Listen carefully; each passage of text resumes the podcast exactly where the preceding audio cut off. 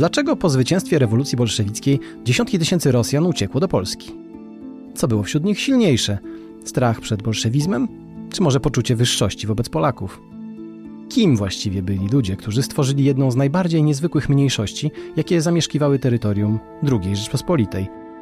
I dlaczego tak trudno byłoby bez nich napisać historię relacji polsko-rosyjskich? Porozmawiajmy. Podcast Muzeum Historii Polski. Nazywam się Michał Przeperski i zapraszam. Moim gościem jest dzisiaj dr Wojciech Stanisławski z Muzeum Historii Polski. Dzień dobry Wojtku. Dzień dobry. Polska może się kojarzyć jako kraj emigracyjny, to znaczy taki kraj, z którego się wyjeżdża. Wielka emigracja w XIX wieku, e, emigracja wywołana II wojną światową, emigracja lat 80., ale nie zawsze tak było. Polska była również krajem, do którego emigranci przyjeżdżali i w którym się osiedlali. I taki jest niezwykły, e, taki niezwykły przykład. To Rosjanie, którzy uciekali e, z Rosji po Rosji carskiej. Chciałbym, żebyśmy dzisiaj o nich porozmawiali. Co to właściwie byli za ludzie? To była cała Rosja. To była druga Rosja. Cieszę się, że możemy o nich rozmawiać. Trzeba się zastrzec, że rzeczywiście y, mm, termin wielka emigracja, który padł, może być użyty też w stosunku do tych egzulów, uchodźców, emigrantów. To te granice są mocno płynne. Zwykle mówimy emigrant o kimś, kto e, podejmuje świadomie decyzję o wyjeździe z przyczyn wyższych, nazwijmy to, albo ekonomicznych. E, tu tych motywacji było bez liku, jak za chwilę powiemy. Ale rzeczywiście można powiedzieć o wielkiej emigracji rosyjskiej. Zresztą e, takie nawiązania się pojawiały i takie odkrywanie zdumiewających do nas paralelizmów między migracją mm, polską po powstaniu listopadowym, a rosyjską po e, rewolucji bolszewickiej e, w Polsce się pojawiały, ale do tego dojdziemy. Natomiast rzeczywiście było tak, że e, no cóż, Rosja jest wielka i wielkie i straszne rzeczy się w niej działy przez od roku 17 mm, do połowy lat dwudziestych, kiedy granice zostaną przez bolszewików usztywnione i z Rosji uciekano, emigrowano, e, tworzono rządy emigracyjne, e, wszystko co możliwe, we wszystkich kierunkach. Więc rzeczywiście e, nie będziemy już teraz wchodzili w wieki wcześniejsze, gdzie też zdarzali się e, uchodźcy z Rosji, uciekinierzy i to bardzo malowniczy, jak nie kniaź Kurbski, który który zakładał pierwsze drukarnie, później czmychał przed Iwanem Groźnym, to Włodzimierz Ilicz, który przecież aż Szwajcarii się oparł e, i cała, e, cała plejada rewolucjonistów XIX wieku. Ale mimo wszystko to były jednostki, grupki, środowiska. E, w latach e, rewolucji bolszewickiej i, i następującej po niej wojnie domowej z Rosji, jak się ostrożnie szacuje, e, granice Rosji opuszcza e, od 2 do 3,5 miliona ludzi we rzeczywiście wszelkich możliwych kierunkach, poza może kołem podbiegunowym.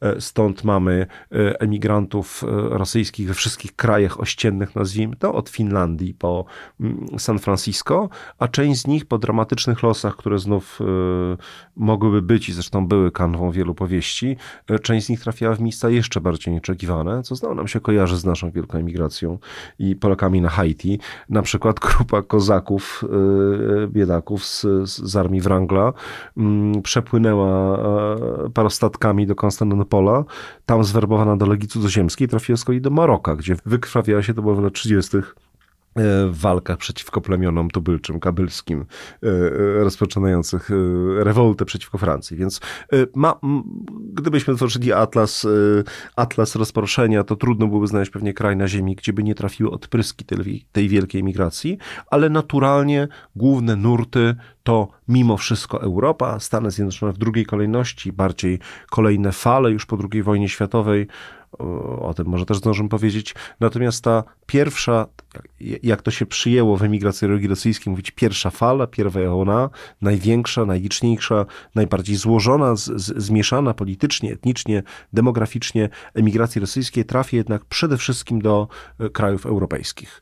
E, rywalizują o ten prymat, o tą rolę stolicy białej migracji Berlin i Paryż, e, bardzo znaczące na tej mapie wśród gwiazd drugiej wielkości są Praga czeska, Belgrad, Sofia, e, Ryga, ale myślę, że jeśli byśmy choćby wędrowali wyliczanką stolicami tych krajów ościennych, krajów limitrofów, jak mówili Rosjanie, to gdzieś między e, Belgradem, Sofią a Rygą, na pewno w pierwszej dziesiątce, myślę, że w pierwszej siódemce miast znalazłaby się Warszawa.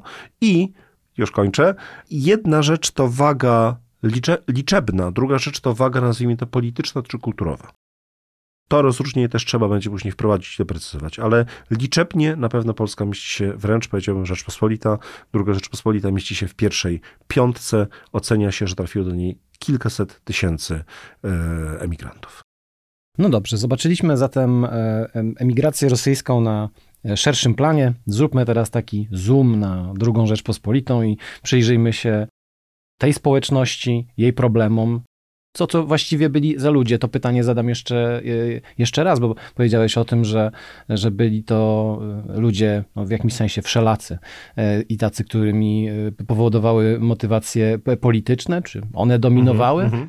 Tak, to byli, to, to, to rzeczywiście ten, ten e, polska emigracja rosyjska w Polsce jest swoista w pewien sposób, e, ale jest też, ma też wiele cech wspólnych z całą tą, e, z całym tym nurtem czy e, stopem e, emigracji rosyjskiej e, pierwszej fali, czyli to są, to są ludzie mocno motywowani politycznie, albo żywiący nadzieję na działalność i obalenie bolszewików z zagranicy, albo po prostu ratujący głowy, albo ratujący, bo i tak było swobodę pióra, przekonanie, że mogą tworzyć żyć i działać tylko za granicą, e, więc mniejsze już o zabarwienia literackie, ale wśród zabarwień politycznych znajdziemy w Polsce wszystkich, od, od twardych monarchistów, zresztą podzielonych między uznanie dla kilku pretendentów do tronu, ale od twardych monarchistów przez e, konstytucyjnych demokratów, czyli kadetów, przez rewolucjonistów, eserów, terrorystów, aż po najbardziej egzotyczne prądy polityczne, nurty polityczne, które pojawiły się na emigracji już lat 30., czyli tak, tak egzotycznie brzmiące jak rosyjscy faszyści albo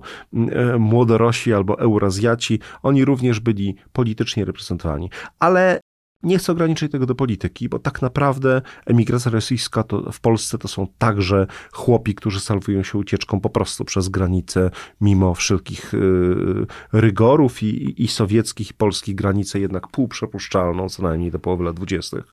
I boję się, że to muszę powiedzieć jeszcze, jeszcze, jeszcze jedną rzecz wyzwaniem dla badaczy y, emigracji y, rosyjskiej w Polsce, do których próbuję się zaliczać, y, jest to, że sprawa, sprawa ta nie jest tak czysta i tak oczywista jak w przypadku Szwajcarii czy Francji, gdzie dotąd Rosjan nie widziano, albo w najlepszym razie jakichś mm, arystokratów na Riwierze spędzających czas letni.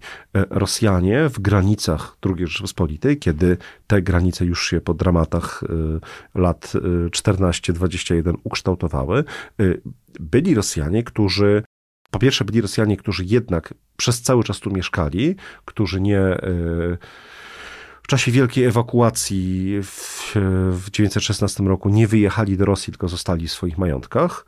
I oni komentowali tę sytuację. Jako pierwszy to powiedział taki zapomniany pisarz rosyjski z Wołynia, ale zanim powtarzał to wielu innych. Ja nie napustiłem mojej rodnej kraju, od, od, on od mnie nie ujechał. Ja nie opuściłem swojej ojczyzny, to ona ode mnie wyjechała. Trochę analogicznie do mm, Polaków w Wilnie, którzy nagle ocknęli się w 1945 roku y, w Wilnie, które już nie było polskie, to y, są losy tych, którzy mieszkali w majątku na Wołyniu, albo wręcz robili karierę w Warszawie. Może nie tą karierę wysokiego szczebla, bo ci rzeczywiście opuścili Warszawę, e, jak zaczęły grzmieć niemieckie armaty, ale jakiś skromny podszmistrz czy szewc jak najbardziej zostawał na miejscu i mieszkał w Warszawie, która już nie była rosyjska. Więc to jest jedna, jedna złożoność, która każe nam rozróżniać między e, Rosjanami będącymi mniejszością narodową Rosjanami imigrantami, a druga delikatność, żeby sprawę jeszcze bardziej zawikłać, ale bez tego ta rozmowa nie miałaby pieprzu, to ta, że przecież y, y, narodowości, zwłaszcza w Europie Wschodniej, w tym czasie dopiero się krystalizują. Od końca XIX wieku e, na ziemiach y, protoukraińskich, nazwijmy to delikatnie, znaczy po, południowo-rosyjskich.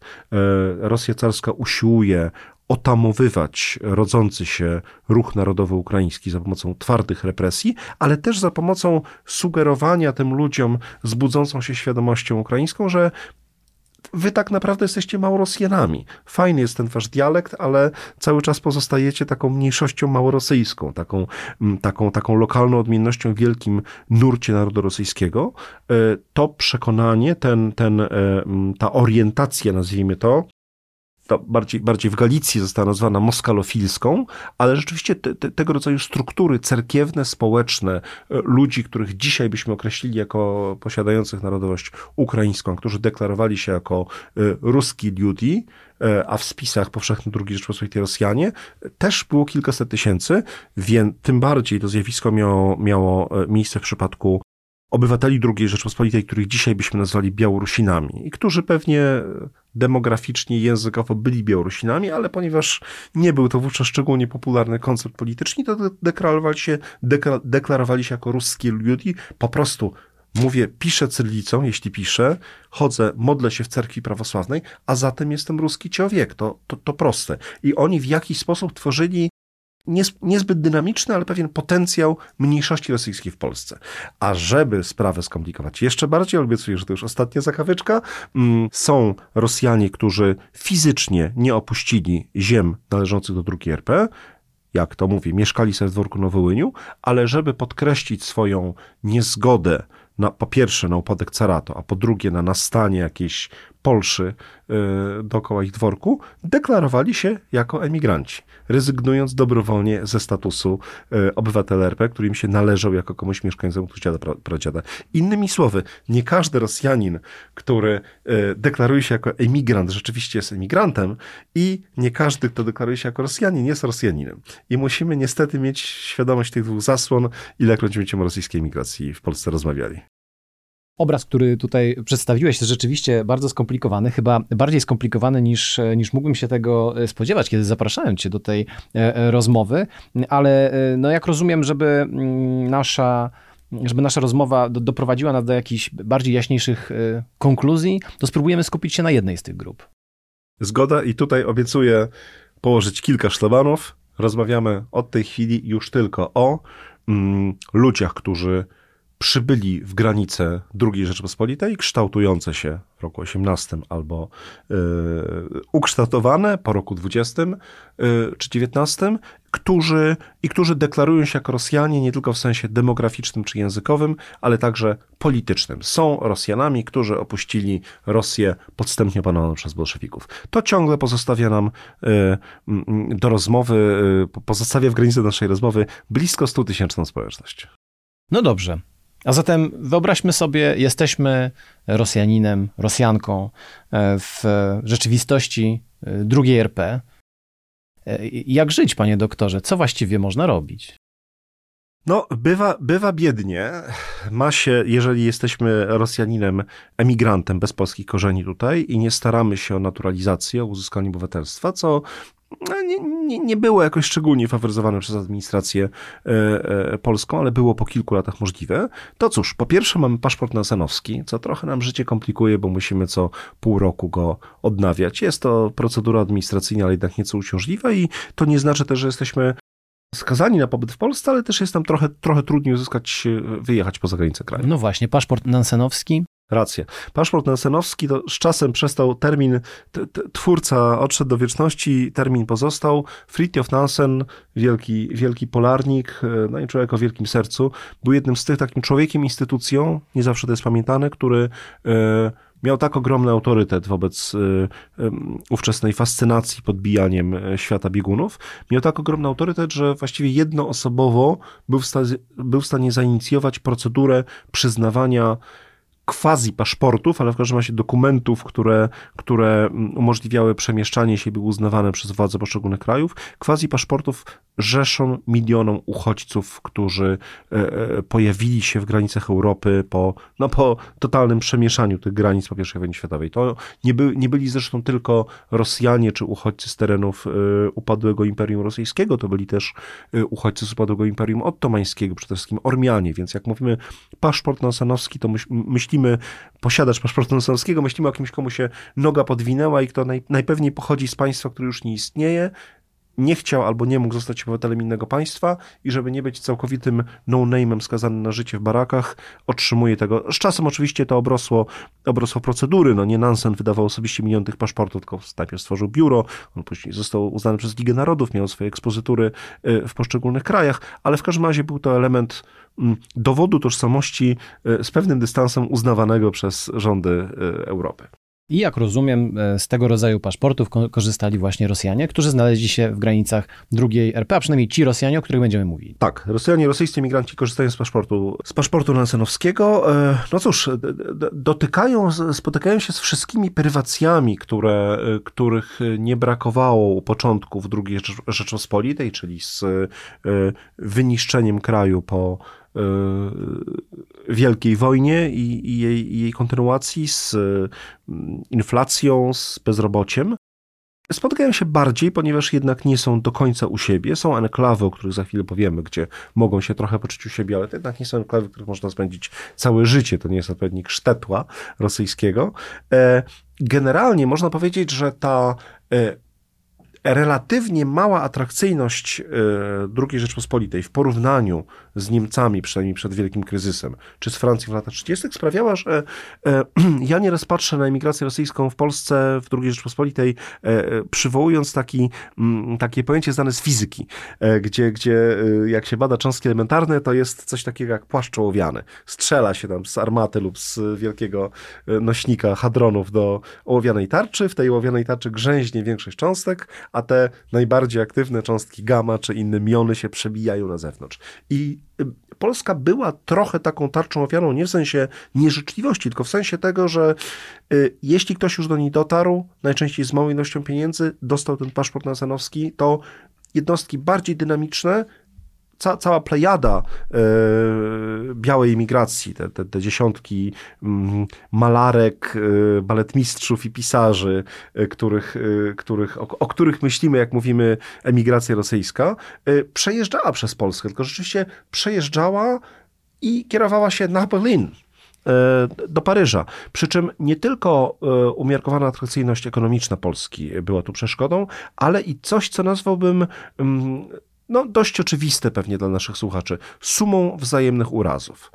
To przy czym to nie są tylko urazy indywidualne, czyli pewien, no łagodnie mówiąc, dystans Polski do tego, co rosyjskie po 120 latach zaborów i pewna nieufność Rosjan wobec tej Polszy, której miało nie być, a która nagle się pojawiła.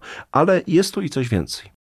To jest problem, z którym się spotkały, choć na mniejszą skalę, bo mniej było tych emigrantów, spotkały się Rumunia, spotkały się kraje nadbałtyckie, czyli te kraje, które powstały w granicach przed wojną e, w części lub w całości Imperium Rosyjskiego. W części jak Rzeczpospolita i Rumunia, w całości jak państwo nadbałtyckie. No, jest się Rosjaninem, patrzy się ze zgrozą na upadek swojego państwa, najpierw w latach I wojny, a później pod ciosami bolszewików. E, no i mamy się godzić na okrojenie jego granic. Z punktu widzenia rosyjskiego, ja wiem, że teraz mówię straszne herezje, ale sztuką historyka jest tak, że mm, próbować choćby na chwilę tej, tego empatycznego wejścia w, w butę i świadomość drugiej strony. Z punktu widzenia Rosjanina, zwłaszcza Rosjanina przywiązanego do caratu, do idei przedwojennego państwa, tacy emigrują, no druga Rzeczpospolita jest czymś w rodzaju uzurpacji granica ryska jest czymś, co można uznać na poziomie e, via facti. No tak w tej chwili tak jest, ale nie pogodzić się z tym, że, e, że, że ta granica obowiązuje i że jest sprawiedliwa. Granica ryska, czyli przyjęta w pokoju ryskim w, e, między, między mm, Rosją i Ukrainą Sowiecką, a drugą Rzeczpospolitą w, 20, w marcu 21 roku. W, w związku z czym między rosyjskimi emigrantami, elitami II Rzeczypospolitej pojawia się taki element, e, sięgając po termin z zupełnie innych czasów, incompatibilitas, nieprzystawalności. Znaczy, e, II Rzeczypospolita oczekuje, jeśli nie wprost w domyśle, że Rosjanie nie tylko będą werbalnie przestrzegać przepisów, nazwijmy to, ale uznają, że są w granicach II Rzeczypospolitej z granicami od Szczory i Niemna po e, e granicę zachodnią, a dla Rosjanina jest to nie do przyjęcia, no bo jest w państwie yy, sezonowym, w państwie usurpatorze. Mhm. To było poważne wyzwanie polityczne dla, zwłaszcza dla jednostek, bo ci, którzy po prostu emigrowali, dobrze, tisze jedziesz, dalsze łyziesz. Ale ci, którzy chcieli działać politycznie i w których programie politycznym mieściło się odtworzenie Rosji w granicach sprzed roku 1914, no nie mieli szans działania w Polsce. Dlatego na przykład monarchiści w Polsce, monarchiści rosyjscy e, w Polsce ich, ich działalność nie jest akceptowana. Drugi, e, drugi, policja polityczna i drugi oddział e, bacznie monitoruje ich działalność, co jakiś czas wyprasza najbardziej aktywnych. Są grupy, i do nich, o nich pewnie więcej powiemy, które całkiem świadomie i myślę, że w znacznym mierze szczerze powiedział tak, akceptujemy tą drugą Rzeczpospolitą i w jej granicach chcemy działać.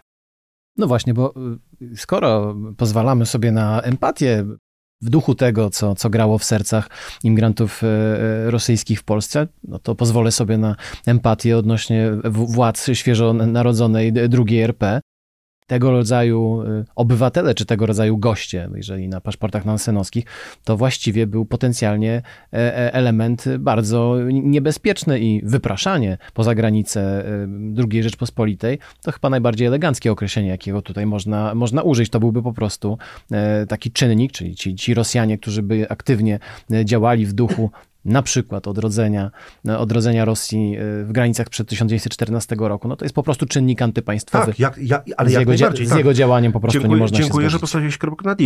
To, to jest tak, że nam z perspektywy prawie wieku, kiedy okazało się, jak e, fatalnie nieskuteczne, a od pewnego momentu y, bardzo skutecznie torpedowane przez, przez y, czeka i przez NKWD są wszelkie takie próby irredentystyczne. Łatwo jest patrzeć z pobłażaniem, że no, cóż ci Rosjanie mogli, no to, że w, że w majątku księżnej Szuwałowej na Wołyniu mm, pod pozorami tworzenia brygady traczy leśnych zebrało się 17 oficerów, którzy myślą o tym, czy tu nie założyć małego oddziałku, no to, to nie jest zagrożenie dla Rzeczypospolitej. Natomiast w roku 20 2021-2023 to wyglądało znacznie poważniej i z odtajnionych czy zachowanych dokumentów drugiego oddziału widzimy, że taki monitoring prowadzony i w kraju, i zresztą we wszystkich placówkach e, wywiadu zagranicznych e, do najważniejszych tematów poza monitorowaniem mm, działalności, nieżyczliwej Polsce działalności niemieckiej czy bolszewickiej, należy monitoring białej migracji. Tak, mhm. prawda. Ale kiedy myślimy sobie o białej emigracji e, w Polsce, o Rosjanach w Polsce, to chyba jednak mimo wszystko nie przede wszystkim ta działalność polityczna się wysuwa na, e, na pierwszy plan, a przynajmniej o takie odnoszę wrażenie, że jeżeli zachowała się jakaś pamięć o tej e, rosyjskiej e, emigracji, a myślę, że myślę, że się zachowała, to raczej w sferze kultury. Mam rację czy nie? Masz rację, tak jest. Nie, bo rzeczywiście politycznie niewiele można było zrobić. Znaczy, nawet, nawet te, te ugrupowania, które, które formalnie. Mm, deklarowały lojalność wobec granic RP, no to co, była, była grupa konstytucyjnych demokratów Midiukowa, Powa Midiukowa, czynna w połowie lat 20 w Warszawie. No, zbierało się paru, paru starszych panów z bokobrodami i radziło nad tym, jakby tu przywrócić rządy konstytucyjnej demokracji w Rosji. No, fajne, ale umiarkowanie skutecznie. No, podobnie ci, te, te, te egzotyczne, egzotyczne formacje, o których mówiliśmy, też nie stanowiły ani zagrożenia, ani potencjału politycznego. Było jedno środowisko, o którym powiem tu, bo ono zaczęło od działalności politycznej, a rzeczywiście wyrosło za sprawą jego najważniejszej osobowości w twór mm, kulturowy i nawet coś więcej. Ale zaczęło się to od polityki. I to zaczęło się od polityki uwikłanej mocno w ten dylemat niemal nieprzekraczalny, yy, dylemat yy, jakie granice i dylemat czy stawiać na Rosję białą czy czerwoną, który jak wiem był straszliwym dylematem Piłsudskiego. Mm, Piłsudski go rozwiązał marząc o trzeciej Rosji, Rosji, która nie będzie ani carska, ani bolszewicka, jeśli chodzi o format polityczny i która też nie będzie ani carska, ani bolszewicka, jeśli chodzi o swoje ambicje e, terytorialne, czyli będzie co najmniej otwarta na aspiracje narodowościowe narodów e, obrzeża, nie tylko polskiego, no bo to poza dyskusją, ale także nazwijmy to ludów kaukaskich czy, czy, czy, Ukraińców, Białorusinów. I znalazł taką, mm, znalazł takie środowisko i nie było to, e, nie był to montaż, nie było to wojska potem, wioska potemkinowska, było to jak najbardziej środowisko polityczne, które odegrało pewną rolę, mogło jeszcze poważniejszą. I jego twórcą i użyję tego słowa, partnerem Piłsudskiego w tym ciele, był trochę zapomniany, e, no, niezwykły człowiek, rewolucjonista, pisarz, ekscentryk i kokainista, Borys Sawinkow. E, legendarnie odważny terrorysta indywidualista, czyli eser roku 1905, e, czynny również w rządzie Kiereńskiego, gdzie był ministrem wojny, przerażony rewolucją bolszewicką, przez półtora roku walczący trochę w podziemiu, trochę na różnych frontach wojny domowej w Rosji, w którymś momencie emigrujący, no trochę w obawie przed utratą przypłaceniem gardem swojej działalności, trochę z myślą o tym, że trzeba sięgnąć po poparcie zagraniczne dla obalenia bolszewików w Rosji. I Sawinkow przez Londyn trafia do Warszawy, gdzie z Piłsudskim mm, zawiera bardzo konkretne porozumienie polityczne o tym, że Piłsudski w ograniczonym stopniu wspiera ruch trzeciej Rosji, wspiera tak zwany rosyjski komitet polityczny, a Sawinkow tworzy armię rosyjską, która walczy z bolszewikami właśnie pod hasłem ani car, ani Sowiety. Yy, te plany, aż tak rozbudowane, nie do końca się spełniły. E, wizja Sawinkowa i jego towarzyszy, żeby tworzyć trzecią Rosję demokratyczną, a nie czerwoną, ani białą i Rosję uznającą prawa innych narodów do istnienia, e, no, nie znajdowało dźwięku ani w sferach e, emigrantów, emigrantów oficerów, bez których nie da się zrobić skutecznej armii, ani nawet prostych muzyków, którzy w tej armii mieli służyć. Więc w rezultacie fizycznie armia Sawinkowa nie wyszła na front wojny bolszewicko-polskiej. Pojedyncze oddziały ruszyły w desperackiej misji już pod, pod wodzą Bułak Bałachowicza jesienią 20 roku na, na ziemi białoruskiej i nie odniosły tam sukcesu.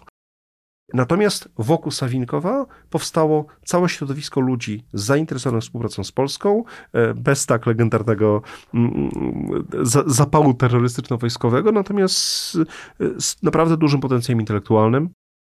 Słynna była trójka, triumvirat, który przybył na saniach z ośnieżonego Mińska zimą 20 roku. E, też trochę zapomniany, a bardzo, bardzo osobliwy, modernistyczny pisarz e, Dymitr Mereszkowski, jego małżonka, poetessa Zinaida Gipius i jako trzeci m, Dymitr Filozofow, e, eseista, e, smakosz Barin, czyli hrabia pełną gębą, rzeczywiście z arystokratycznej rodziny, ale jak to bywa, e, czerwony hrabia, czyli nader demokratycznych przekonań.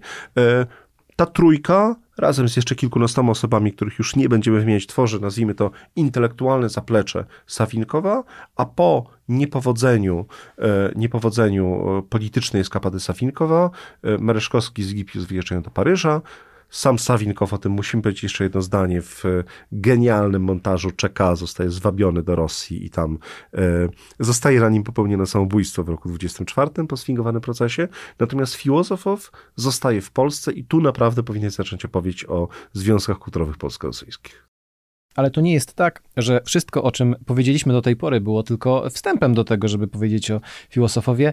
E, to jest po prostu dalsza część tej, e, tej historii jedno środowisko, jedna spajająca je e, osobowość, e, tak określasz e, filozofowa, no to powiedzmy więcej o, o, o, tym, kim był. Trochę już wspomniałeś, powiedzmy o tym, jaką rolę odegrał w, w relacjach polsko-rosyjskich, kulturalnych, podkreślam, polsko-rosyjskich, nie polsko-sowieckich. Tak, tak, tak, tak, bo to rzeczywiście odegrał rolę tą, tą w, powiedziałbym tak, w niczym nie lekceważąc jego działalności wśród rosyjskiej migracji, jego znaczenie dla relacji polsko-rosyjskich jest szczególne i myślę, że z perspektywy 100 lat czy 80 lat ważniejsze.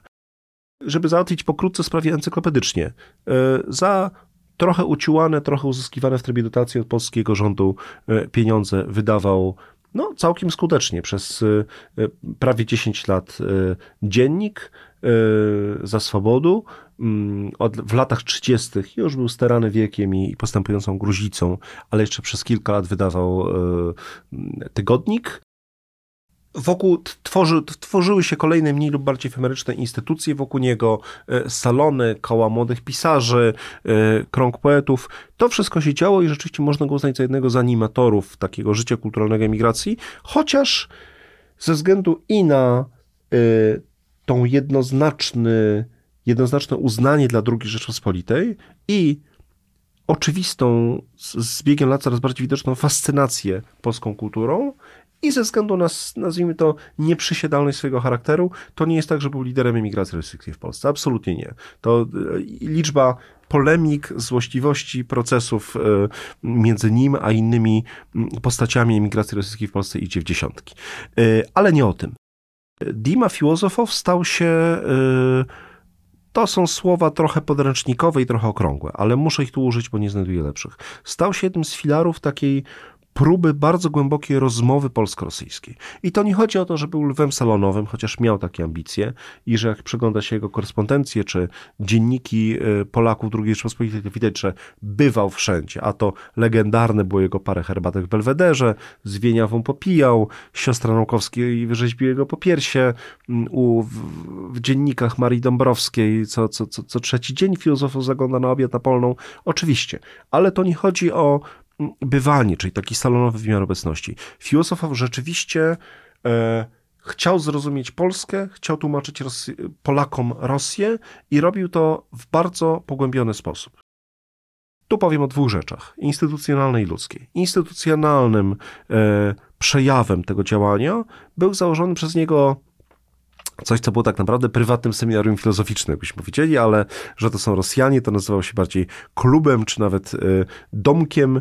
Mm, domik w Kołomnie, e, domek w Kołomnie, e, hasło nawiązujące do poematu Puszkina, takie kreowanie pewnej sielskości, mm, atmosfery sielskości w potwornie ubogich warunkach. Wszyscy, którzy wspominają ten domek, wspominają, że nie stać ich było nawet na dobry samowar, tylko samowar był wycięty z tektury, żeby tak tą rosyjskość ewokować, ale herbata to była z termosu.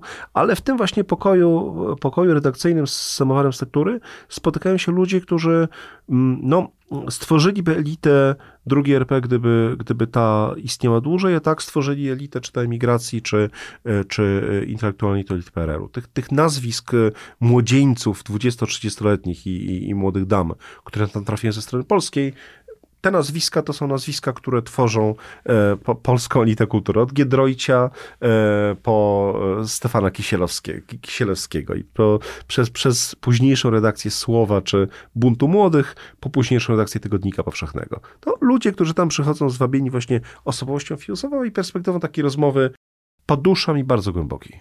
Jeżeli teraz pozwolę sobie tylko na chwilę wejść w słowo, to po to, żeby wyjaśnić, bo użyłeś e, bardzo e, istotnych tytułów, które dla polskiej kultury są ważne, ale nie dla wszystkich naszych słuchaczy muszą, muszą być jasne, bo słowo to przecież organ e, wileńskich konserwa konserwatystów. konserwatystów. Tak? Bunt Młodych to, to pismo, które ko kojarzy się, powinno się kojarzyć z nazwiskiem Jerzego, Jerzego Giedroycia, z młodzieżą z młodzieżą sanacyjną i takimi, takim pomysłem na, na, na kontynuację myśli Piłsudczykowskiej, a Tygodnik Powszechny to już przecież pismo założone w 1945 roku i potem przez cały PRL niezwykle istotne jako element pisma łączącego katolicyzm z pewnego rodzaju inteligenckością, polską tradycją e, inteligencką i właściwie taka zupełnie nowa jakość w polskim krajobrazie e, e, intelektualnym. Jakkolwiek by jednak na to nie patrzeć, to wszystkie te tytuły to rzeczywiście jest pierwsza liga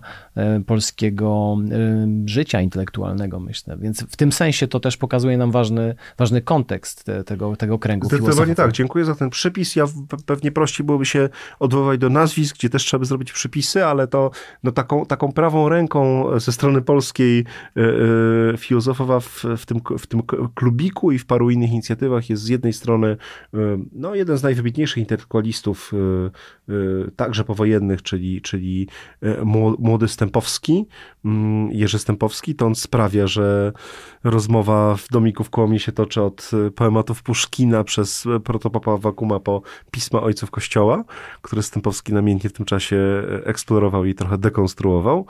Ale najważniejsze nazwisko, i to pewnie druga, drugi filar, o którym powiem, mówiąc o wpływie, mm, wpływie filozofa na kulturę polską. E, filozofą stał się, znów nie zawaham się użyć słowa mistrzem i mentorem dla niesłychanie ważnej postaci, której, której, którą cały czas odkrywamy, mimo że, że jest już po jego śmierci Józefa Czapskiego. I tu znów trzeba by zacząć od anegdoty, niesłychanie malownicze życie Czapskiego, e, który Najpierw trafia do Rosji, znaczy wychowuje się w, jakoś tam w cieniu, znaczy jak, tak jak to ziemianin z najlepszego domu w Polsce, więc ta, ta, ta Rosja jest jednak trzymana za, za, za drzwiami dworku, no ale jest jakoś tam w kręgu, mm, jest dookoła, ponieważ chowa się w, w, w Pryłukach na wschodzie Młody Czapski, później trafia w ogóle do korpusu kadetów w Petersburgu, jak przy, przypadło na najwyższą arystokrację polską, ale to wszystko trochę po nim spływa, mm, po czym jako mm, oficer polski trafia z, z misją do, do, do, Rosji już rewolucyjnej poszukiwania zaginionych oficerów z korpusu e, Dowboru Mościckiego i z korpusu w Archangelsku. I pierwszy raz to nie, nie, nie, niezwykła symetria. Pierwszy raz się spotka ze śmiercią swoich współtowarzyszy, których poszukuje, a później a cały czas jesteśmy w przedsionku losu Czapskiego, później jako skrajny idealista, urzeczony ideami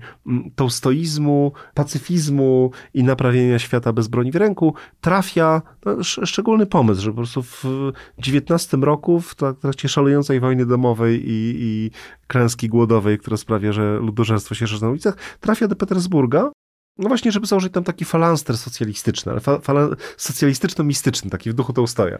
Trafia do Petersburga, przechodzi klatką schodową i widzi nazwisko Mereszkowski. A, coś czytałem Mereszkowskiego, myśli. Puka do Mereszkowskiego, ten mu otwiera spowity w damski szlafrok różowy, bo oczywiście nie było opału, więc potwornie zimno. I Czapski tak strzela mu z klatki schodowej. A czy, czy wolno tak naprawdę walczyć o świat bez broni. Wspominam to, bo sam Czapski wspomina to wielokrotnie, tą emblematyczną scenę.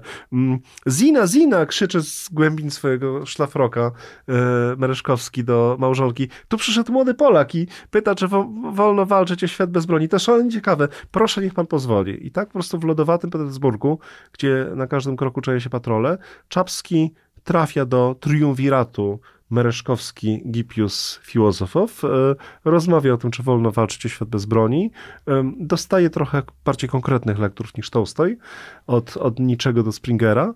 E, wraca do Polski, trochę e, wyprostowany z idei zakładania falansterów.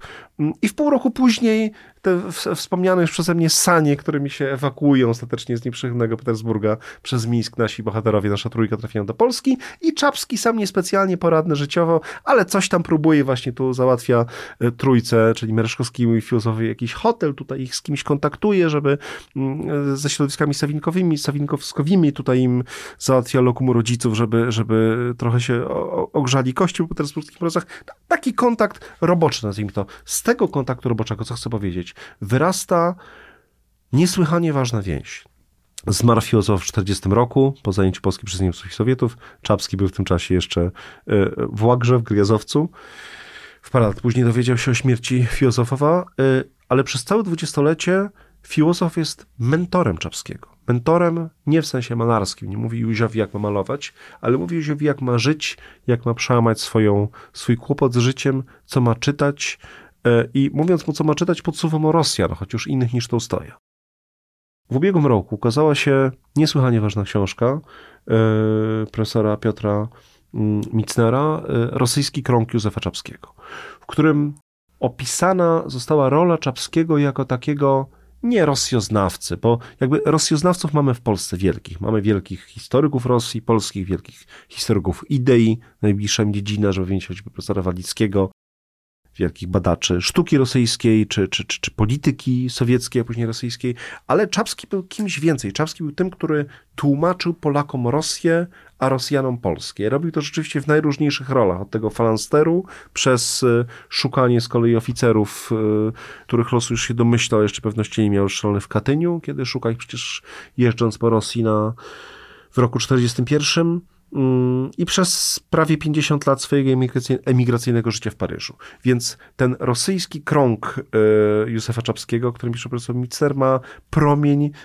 kilkuset kilometrowych. Tych nazwisk jest bez liku i są to nazwiska największe.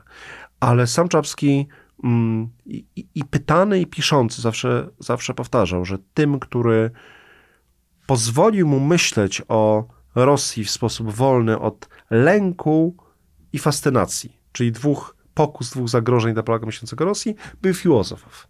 I, żeby postawić drugą kropkę na D, Filozofow zarazem jest tym, który nie jest e, ambasadorem kultury rosyjskiej w II Rzeczypospolitej, jakbyśmy powiedzieli. Filozof jest tym, który wmyśla się w Polskę tak głęboko, będąc tu przez tych 20 lat II Rzeczypospolitej, że marzy sobie, jest, jest zafascynowany wielką emigracją naszą, polską, paryską, mickiewiczowską i marzy sobie, co mu do końca nie wyszło, nie mogło wyjść, ale marzy sobie o nadaniu rosyjskiej imigracji, jemu współczesnej, rysów, formatu i determinacji polskiej wielkiej migracji. No jeśli to nie jest dobry przykład wymiany intelektualnej, to nie potrafię chyba znaleźć lepszego. Kiedy rozmawiamy dziś, w początku roku 23, kiedy e, za wschodnią granicą Polski trwa krwawa e, wojna e, na Ukrainie, wojna, która została spowodowana e, niesprowokowaną inwazją e, e, rosyjską.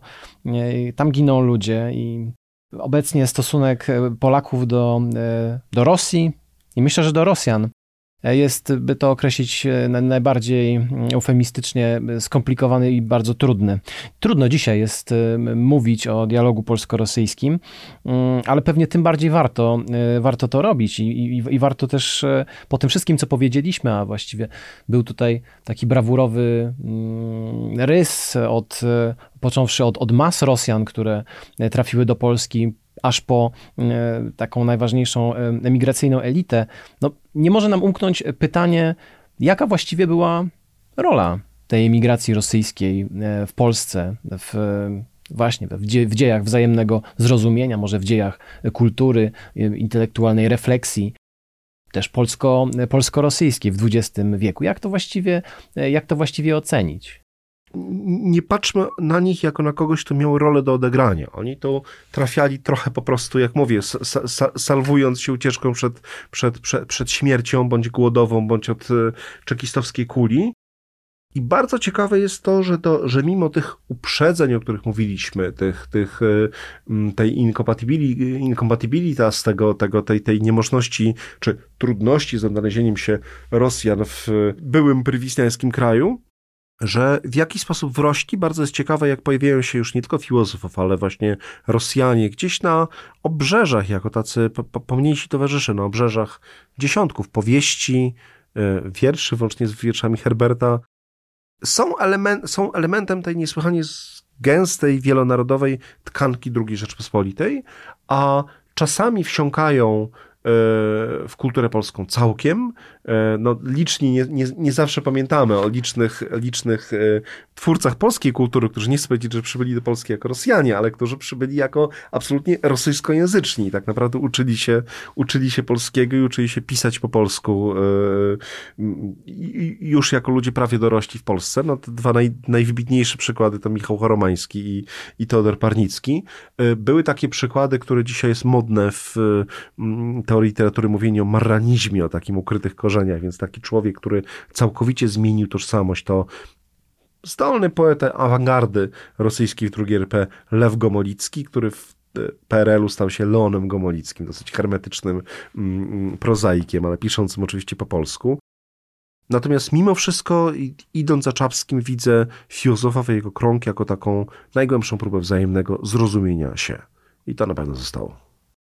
Właściwie na tym moglibyśmy, e, moglibyśmy skończyć, ale e, zróbmy jeszcze takie drobne postscriptum, bo to, o czym mówiliśmy, to, to wielka fala, pierwsza fala, ale nie jedyna spośród tych, e, spośród tych fal emigracji rosyjskiej.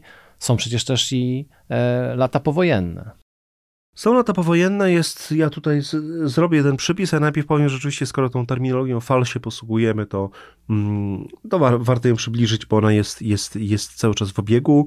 E, po pierwszej fali, która zamknęło się morze, to i fale się zamknęły, ale pierwsza fala tak naprawdę to emigracja do, do, do wybuchu II wojny światowej, druga fala to głównie, choć nie tylko dipisi, czyli ci, którzy już tak ojęcy, już tego uchodźcy zdali się wyrwać z granic Związku Sowieckiego i zostali po, mm, po II wojnie w, w, w, na zachodzie.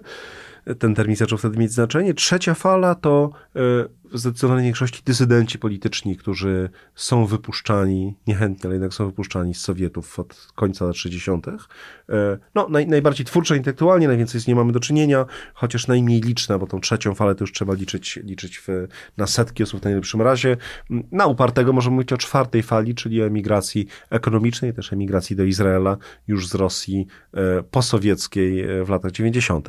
Natomiast są też jednostki, i tutaj powiem trochę dosiadając swojego konika, są jednostki, które, które y, nie mieszczą się do końca w tym, w tym y, y, podziale na wielkie fale, ale które też miały swój duży, mm, duży, duży wkład w rozmowę polsko-rosyjską.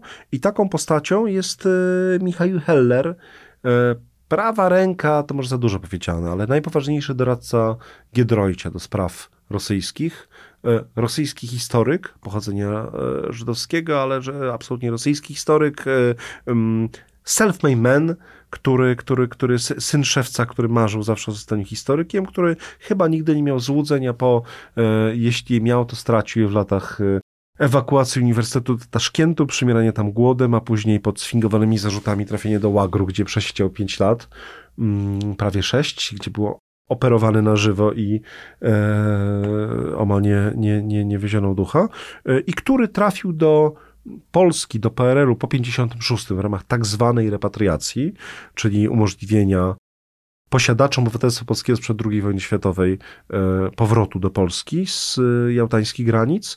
Małżonka Hellera była urodzona przed e, wojną w Polsce, w Słonimiu i pod tym wykorzystując ten chwyt, ona E, Michał Heller i ich syn trafili do Polski w 56, 7, na początku 57 i spędzili tam do, spędzili, spędzili w Polsce 11 lat do marcowej zawieruchy, która z kolei wyrzuciła Hellera z rodziną do Paryża, gdzie znakomicie się nas na Sorbonie jako prawa ręka Giedroycia.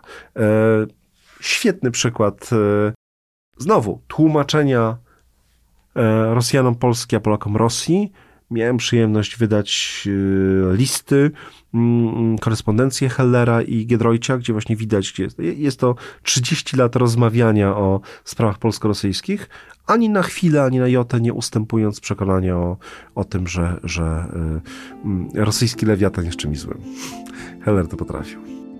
Bardzo dziękuję Wojtku, bardzo dziękuję Ci za rozmowę o emigrantach rosyjskich w Polsce, ale chyba tak naprawdę o y, trwającej przez, przez dziesięciolecia i, i bardzo nam potrzebnej, pomimo najgorszej nawet wojny, dyskusji pomiędzy Polakami a, Rosjanami. Miałem przyjemność rozmawiać z doktorem Wojciechem Stanisławskim z Muzeum Historii Polski. Dziękuję bardzo. Bardzo dziękuję. Podcastów Muzeum Historii Polski wysłuchasz na YouTube, Spotify, Google Podcast w Audiotece, a także na innych platformach podcastowych. Chcesz być na bieżąco? Subskrybuj kanał Muzeum Historii Polski.